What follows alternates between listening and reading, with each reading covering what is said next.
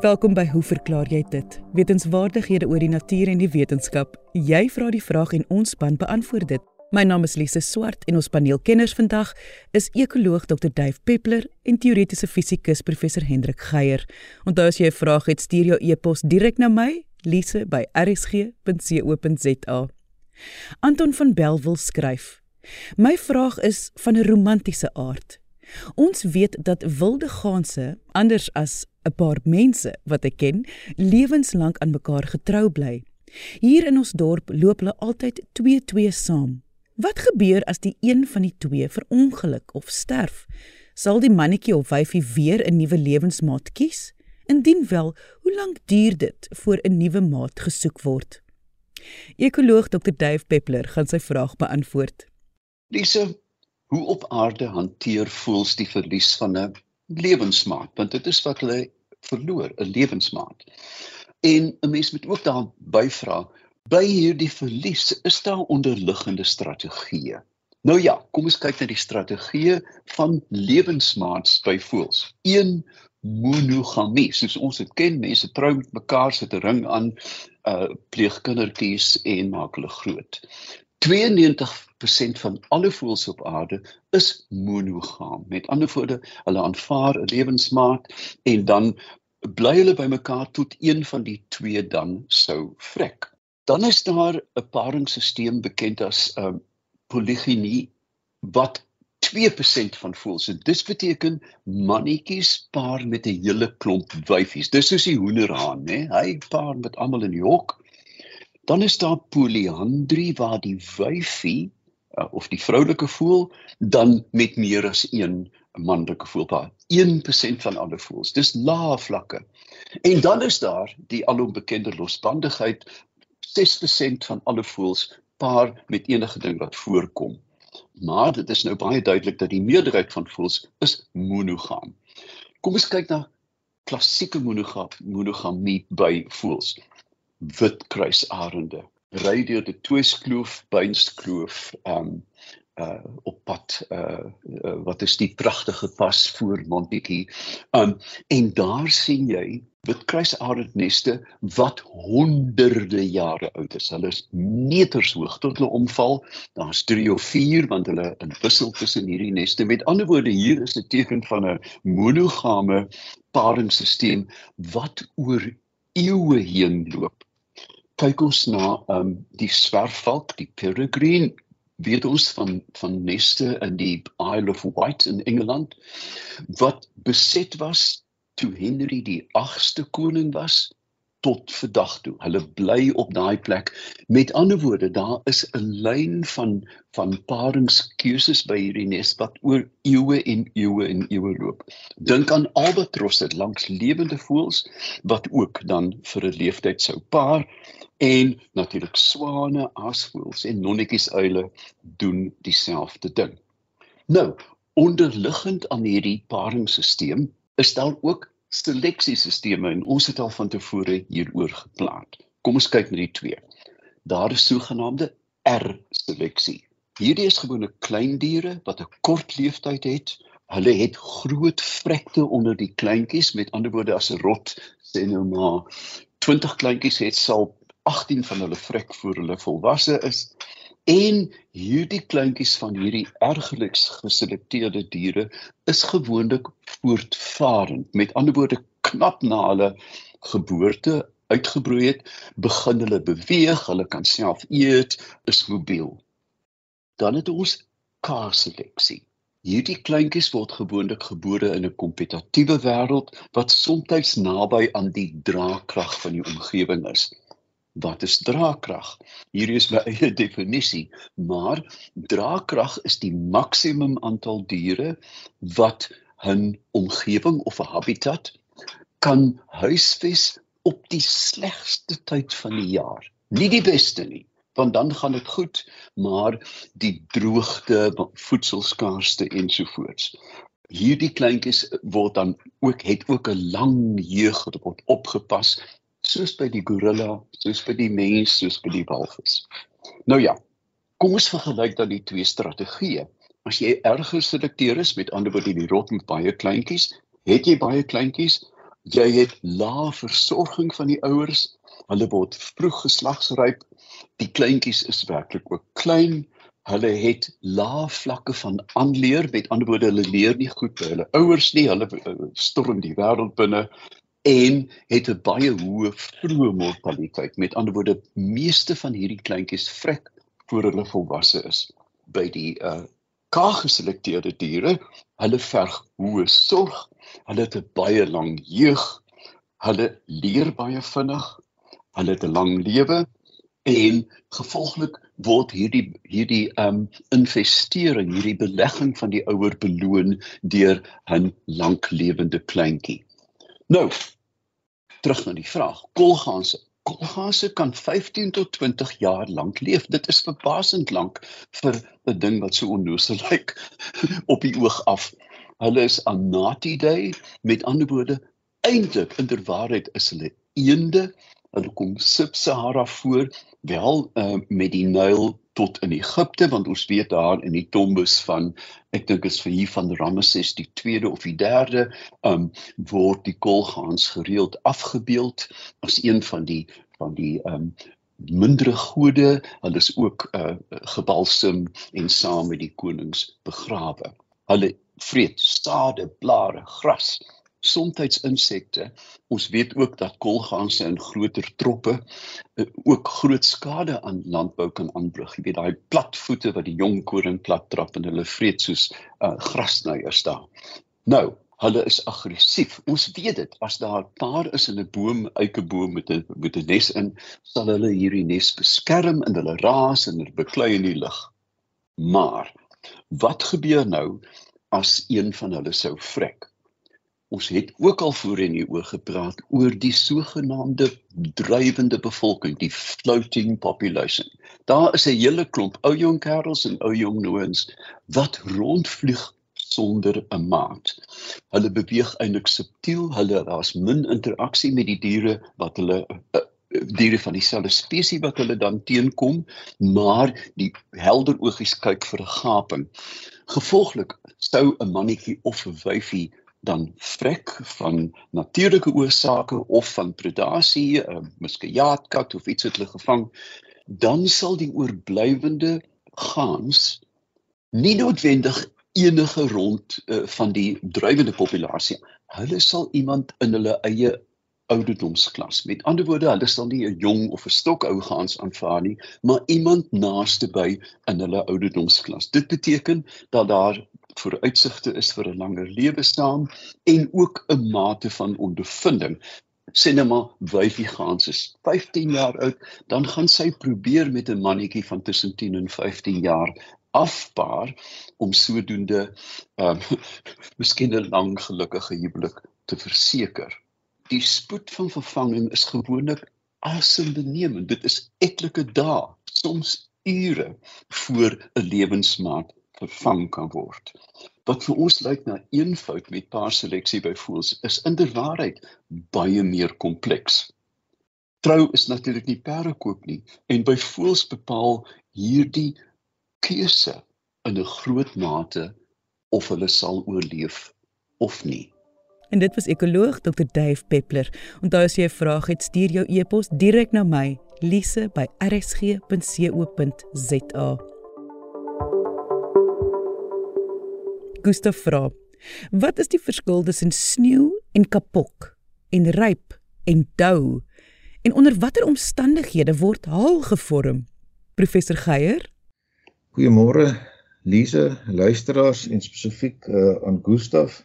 En dankie vir 'n veelkantige vraag waaroor 'n mens nou lekker lank kan gesels. So kom ons begin uh deur eers uh twee kategorieë van uh verskynsels hier te onderskei. Aan die een kant uh dou en ryp en aan die ander kant sneeu, kapok en haal. En die onderskeid uh, kan 'n mens redelik eenvoudig formuleer deur te sê dat ryp en dou is uh, water of ys wat vorm uh, op die oppervlak van die aarde terwyl sneeu kapok en haal in bevrore vorm alreeds in wolke gevorm word en dan uiteindelik afval onder gravitasie of swaartekrag na die aardoppervlak en afhangende van hoe hulle hulle reis aanpak en wat hulle uh, in die atmosfeer aantref kan hulle nou in verskillende gedaantes uiteindelik hier op die aardoppervlak aankom. So dis die hoofonderskeid. So eerstens dan oor oor ryp en dou.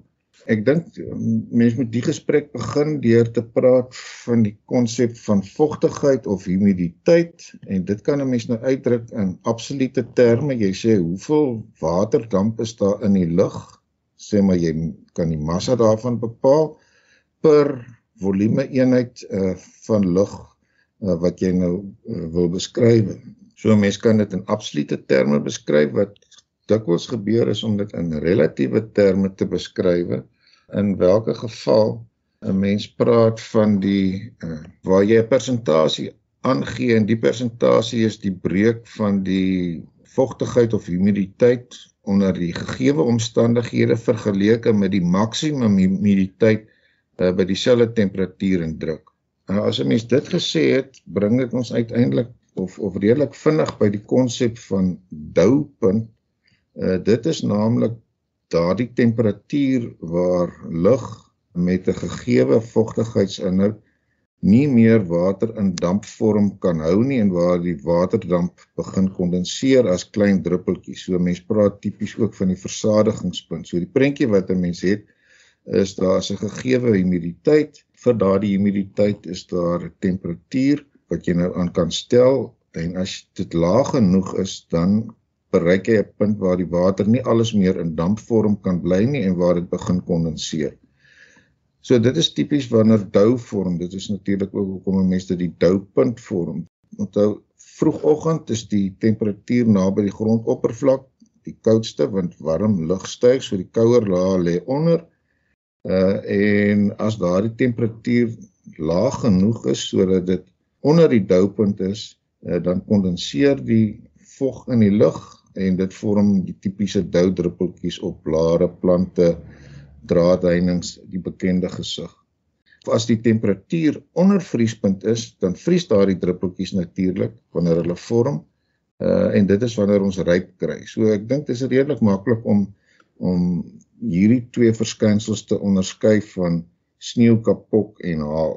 Ons het te maak met 'n situasie waar dit koud genoeg is dat waterdamp spontaan kondenseer uit die lug en afhangende van of die grondtemperatuur bo of onder vriespunt is, sal daar of doudruppels of ryp vorm.